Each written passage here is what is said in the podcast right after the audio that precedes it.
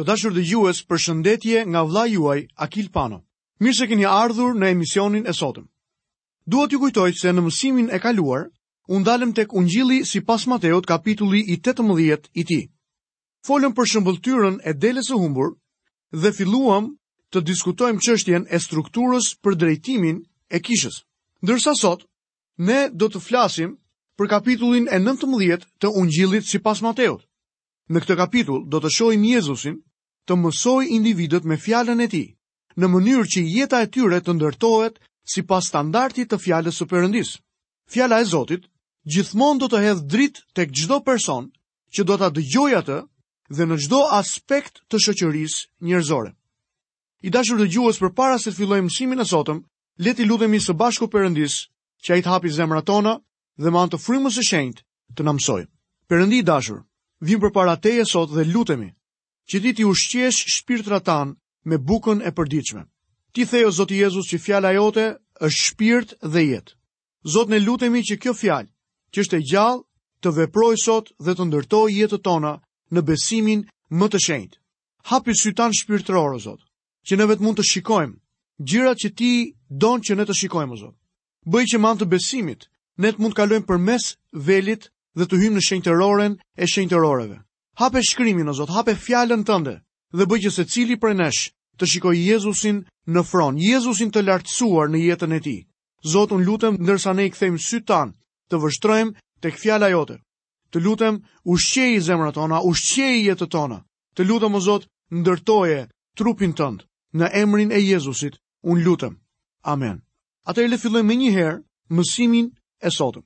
Tema e mësimit të sotëm, pra kapitullit të 19 të Ungjillit sipas Mateut, është Jezusi hyn në Jude. Dhe aty ai shpall standardin e Zotit për martesën, dhe jepen disa baza për divorcin. Jezusi bekon fëmijët e vegjël. Atje ne do të shohim se si Jezusi do takojë një sundimtar të ri dhe më poshtë se si Jezusi u flet apostujve dhe u tregon vendin e tyre në mbretërinë e ardhshme. Të dashur dëgjues, në udhëtimin tonë përgjatë ungjillit të Mateut, e kemi përqendruar vëmendjen tek gjeografia e ungjillit.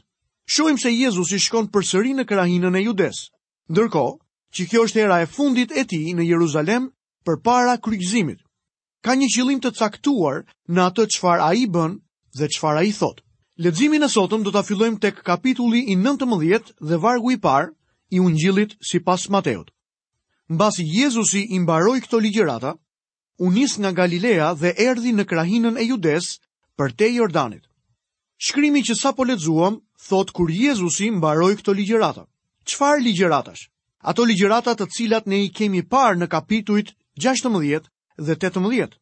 Pasi mbaroi çfarë donte të thoshte në Galile, ai lëvizi në jug dhe erdhi në kufijtë e Judesë përtej Jordanit, duke patur parasysh bregun lindor të lumit Jordan.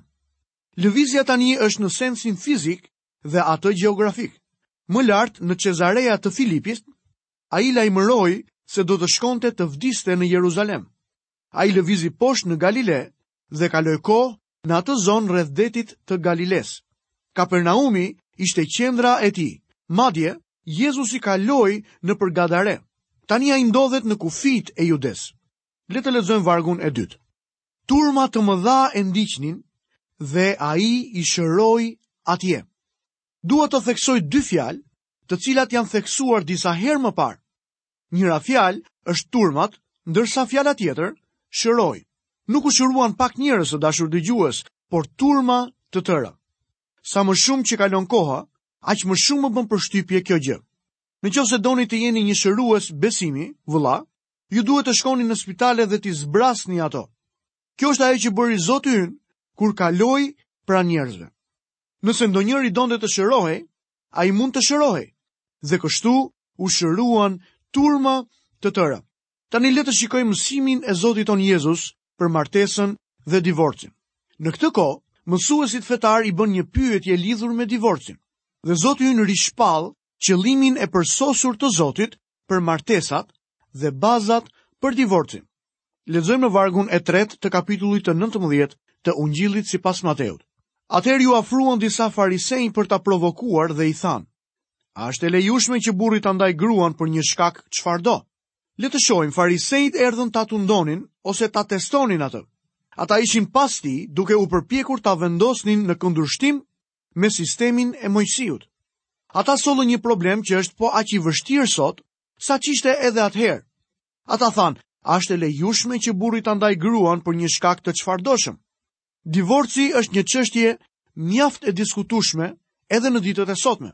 Më lejoni të bëj një hyrje të vogël, duke thënë se Zoti u ka dhënë të gjithëve njerëzve disa gjëra për mbarëvajtjen e familjes njerëzore. Për shembull, ai e ka dhënë martesën për mbrojtjen e familjes. Zoti e ka dhënë martesën për të qenë një bekim për njerëzit, qofshin këta të shpëtuar besimtarë ose jobesimtarë. Gjithashtu, Perëndia ynë dha ligjin e së shtunës, sabatit, për mbrojtjen e individit, në mënyrë që njeriu të kishte një ditë pushimi. Zoti i dha këto ligje për të mbrojtur individin, familjen dhe kombin. Këto ishin ligje të përgjithshme, të cilat ai ua dha të gjithë njerëzve. Më vonë, shohim se si Jezusi i specifikoi ato për popullin e tij të zgjedhur. Le të shohim tani pyetjen që i referohet martesës. Këtu është sigurisht në kontekstin e vogël të kombit të Izraelit. Dhe ne e shohim ato sot në dritën e kristianizmit bashkëkohor. A është e lejueshme që burri ta ndajë gruan për një shkak të çfarëdoshëm? Lexojmë vargun e 4. Dhe ai duke u përgjigjur u tha atyre: A nuk keni lexuar ju se ai që krijoi në fillim i krijoi mashkull edhe femër? Zoti Jezus i ktheu ata prapa që nga fillimi i kohërave. prapa tek qëllimi i përsosur i Zotit për martesën. Tek ligji i përtërir, kapitulli 24 dhe vargu i parë, ne shikojmë, kur një njeri merr një grua dhe martohet me të, dhe më vonë ndodh që ajo nuk e kënaq më, sepse ai ka gjetur në të diçka të turpshme, le të shkruajë një shkresë ndarje, t'ia japë në dorë dhe ta dëbojë nga shtëpia e tij. Shikojmë që ligji i Mojsiut e lejonte martesën në një bazë më të gjerë. Për aq sa i përkiste ligjit të Mojsiut, divorci nuk ishte aq i keq sa martesa me një të huaj. Për shembull, nëse vajza e priftit martohej me një të huaj, ajo dëbohej nga kombi i Izraelit. Megjithatë, me kalimin e kohës, ligji i Mojsiut ishte bërë i pakuptimtë dhe dhënia e divorcit bëhej me një pretekst kaq joserioz, siç mund të ishte edhe djegja e bukës. Si rezultat, ishte një diskutim shumë i madh në lidhje me divorcin në ditën e Zotit tonë. Shikojmë vargjet 5 dhe 6.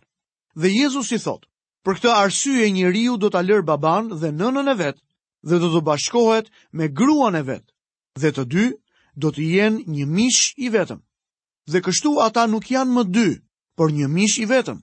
Prandaj, atë që Perëndia ka bashkuar, njeriu mos ta ndajë.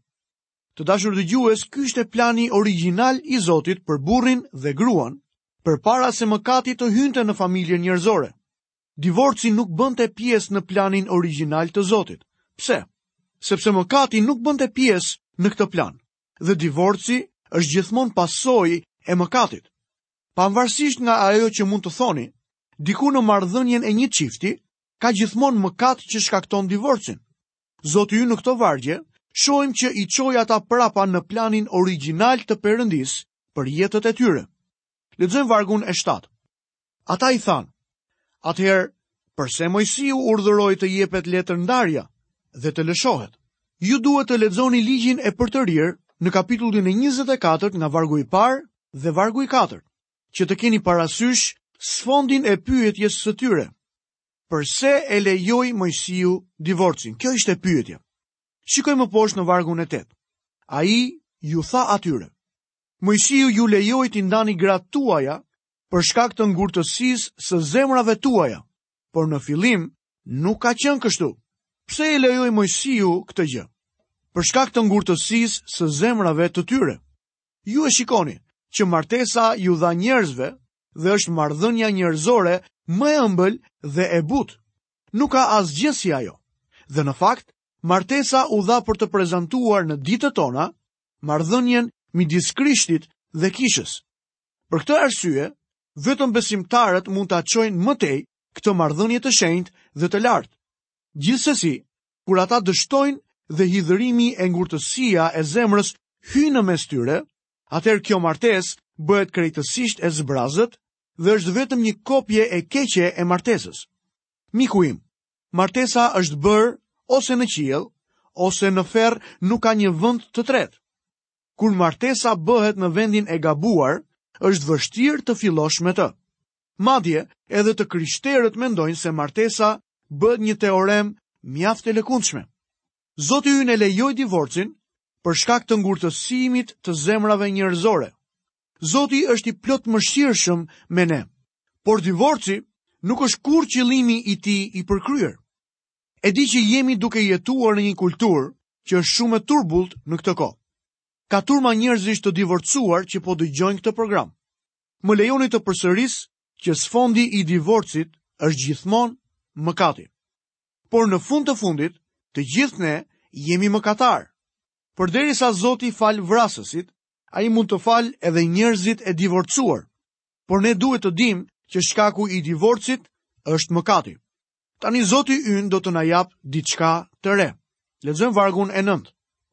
Por unë ju them se kushdo që e lëshon gruan e vet përveç rastit të kurvërisë dhe martohet me një tjetër, shkel kurorën. Dhe ai që martohet me gruan e ndarë, shkel kurorën. Tradhtia bashkëshortore thyen marrëdhëniet martesore dhe prodhon një nga shkaqet më të mëdha të divorcit. Dikush më tha, Mirë, po ja ku është një grua e krishterë e martuar me një pijanec, ose një krishterë i mirë me një grua e cila nuk beson tek Perëndia. Por për këtë çfarë na thua? Të krishterët mund të ndahen mbi baza të tjera, të cilat duken të jenë krejt çështje që shtrohet në letrën e parë drejtuar Korintasve në kapitullin e 7. Por divorci është i lejuar vetëm mbi një bazë dhe kjo bazë është tradhtia bashkëshortore. Divorci u dha me qëllim që të lejonte personin e pafajshëm të martohej sërish. Ky rregull është i zbatueshëm vetëm për besimtarët. Zoti këtu nuk po rregullon jetët e jobesimtarëve. Ai do t'ju japë atyre së pari mesazhin e kryqit, shpëtimit, dhe të tjerat do të vijnë më pas. Zoti dëshiron që jobesimtarët të vijnë së pari tek Krishti. Të divorcuar, të martuar ose beqarë, ata janë të humbur. Nuk ka asnjë ndryshim për aq kohë sa ai nuk ka pranuar Krishtin. Gjëja e rëndësishme që duhet të dini është se për besimtarët Jezusi vendos një shkak për divorcin dhe ky shkak është tradhtia bashkëshortore. Tani le të supozojmë për një moment se bashkëshorti i një besimtareje divorcohet për një shkak tjetër. Çfarë do të ndodhë me personin e pafajshëm? Nëse ka pasur tradhti bashkëshortore dhe në më të shumtën e rasteve kështu është, atëherë personi i pafajshëm lejohet të rimartohet. Tani ka edhe diçka tjetër këtu që është e rëndësishme. Shikojmë vargun e 10. Dishepujt e vet i thanë: Në qoftë se kushtet e burrit ndaj gruas janë të tilla, më mirë të mos martohet. Dishepujt po thonë, mirë, por në këtë rast do të ishte më mirë të mos martoheshe. Sigurisht, ju do të mënjanonit një shumicë problemesh, nuk ka diskutim për këtë çështje. Lexojmë vargun e njëmbëdhjetë. Por ai u tha atyre, jo të gjithë i kuptojnë këto fjalë, por atyre që u është dhënë. Është kaq e rëndësishme, sidomos në ditët e sotme. Në vargun që vijon, Zoti ynë vendos një princip të madh. Kisha katolike është duke luftuar me këtë problem edhe në ditët e sotme. Le të lexojmë më poshtë në vargun e 12. Sepse ka eunukë që kanë lindur të tillë nga barku i nënës. Ka eunukë që janë bërë eunukë nga njerëzit dhe ka eunukë që janë bërë vetë eunukë për mbretërinë e qiejve. Ai që mund ta kuptojë, le ta kuptojë. Jezusi thotë, ka eunukë që kanë lindur të tillë nga barku i nënës. Me fjalë të tjera, ka disa burra dhe gra, të cilët nuk e kanë të nevojshme të martohen. Ata ia dalin shumë mirë vetë, por kjo nuk është për gjithsecilin. Më poshtë Jezusi thotë dhe ka disa eunukë që janë bërë eunukë nga njerëzit. Disa kisha kanë vënë një rregull që njerëzit në pozicione të caktuara nuk duhet të martohen. Ata nuk kanë të drejtë që ta bëjnë këtë gjë. Dhe më poshtë Jezusi thotë, "Dhe ka eunukë që janë bërë vetë eunukë për mbretërinë e qiejve." Dikush tha, "A mendoni se predikuesi duhet të martohet? Apo mendoni se prifti duhet të martohet?" Mund t'ju them se Zoti Jezus ka vendosur një princip këtu. Ai thotë se kjo gjë varet nga vetë individi, secili duhet ta marrë këtë vendim për veten e tij. Tani këtu gjejmë diçka të mrekullueshme. Le të shohim se si Jezusi pranon fëmijët e vegjël. Do të lexojmë nga vargu 13 deri në vargun e 15. Atëherë i sollën fëmijë të vegjël që të vinte duart mbi ata dhe të lutej. Por dishepujt i qortuan. Por Jezusi tha: I lini fëmijët e vegjël të vijnë tek unë, sepse atyre u përket mbretëria e qiejve. Dhe mbasi vendosi duart mbi ata, u nis që andej. Ky pasazh është baza e gjerë për shpëtimin e fëmijëve që vdesin në foshnjërinë e tyre. Është fakt se asnjë fëmijë nuk do ta mohojë Jezusin nëse ai i prezantohet një fëmije sipas Biblës. Kjo është një arsye pse ne duhet t'ua themi mesazhin e Ungjillit atyre. Dikush mund të thotë, po prit pak, atëherë gjithësecili mund të shpëtohej nëse ne i arrijmë ata që në fëmijëri. Jo, kjo nuk është e vërtetë, sepse më vonë ata arrijnë moshën e pjekurisë. Ne përpiqemi që të futim ungjillin në zemrat e fëmijëve, në mënyrë që kur të arrijnë moshën e pjekurisë, të vendosin të zgjedhin Krishtin. Është e rëndësishme që vendimi i fëmijëve të ndiqet në vazhdimësi. Mos u mbështetni në vendimin që mori fëmija juaj kur ishte 2, 3, 4, 5, 6 apo 8 vjeç e kështu me radhë. Vajza ime vendosi të pranonte Jezusin si shpëtimtarin e zemrës së saj në moshën 7 vjeçare, që prej asaj kohe e pyesja shpesh nëse ajo i besonte Zotit me të vërtetë, si shpëtimtar. Një ditë ajo më tha, Babi, pse vazhdon të më pyesësh për të njëjtën gjë? Iu përgjigja se doja të isha i sigurt. Në fakt, vendimi duhet të merret në moshën e pjekurisë. Ndoshta mund të pyesni. Po kur është kjo moshë? Nuk e di. Di vetëm që është e rëndësishme t'ua japim ungjillin fëmijëve tanë. në vend që të rrimë dhe të diskutojmë për këtë, le t'ua japim ungjillin dhe le t'i ndjekim me kujdes derisa të arrijnë moshën e pjekurisë, duke bërë gjithçka që është e mundur në forcat tona për t'i çuar tek besimi i Krishtit. Është interesante të shohim se si Zoti ynë pasi ka folur për temën e divorcit, fillon të flasë menjëherë për fëmijët. Fëmijët janë gjëja më e rëndësishme në çdo divorc. Një grua, një herë, erdhi tek unë dhe më tha se do të divorcohej, sepse nuk e donte më burrin e saj. Ajo më tha, unë nuk e dua më për shkak të të gjitha gjërave që ai bën dhe unë kam dëgjuar të thonë se aty ku nuk ka dashuri, nuk mund të ketë as marrëdhënie. Për këtë arsye dua të divorcohem. Është e vërtetë se ku nuk ka dashuri, nuk ka as marrëdhënie. Dhe kjo është tragjike, por nuk është kjo baza për të kërkuar divorcin. Unë i thashë asaj gruaje. Ti më thua se nuk e do më burrin tënd. Po a i doni fëmijët tuaj? Ajo tha sigurisht që po, po çfarë lidhje ka fëmijët me këtë çështje? I thashë se gjithçka ka të bëjë me këtë qështje. Ti duhet të qëndrosh me të derisa të mundesh, për aq kohë sa ti i do fëmijët e tu. Miku im, fakti që Zoti ynë thotë lërini fëmijët e vegjël të vijnë tek unë, duhet të bëjë që çdo çift, sidomos çiftet e krishtera, të përpiqen me të gjitha mënyrat për të mbajtur martesën e tyre të bashkuar.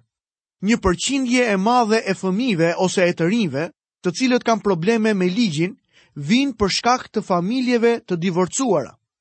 Ju do të habiteni kur të mësoni numrin e të vegjëlve, të cilët janë larguar nga Krishti për shkak të ndarjes së prindërve të tyre.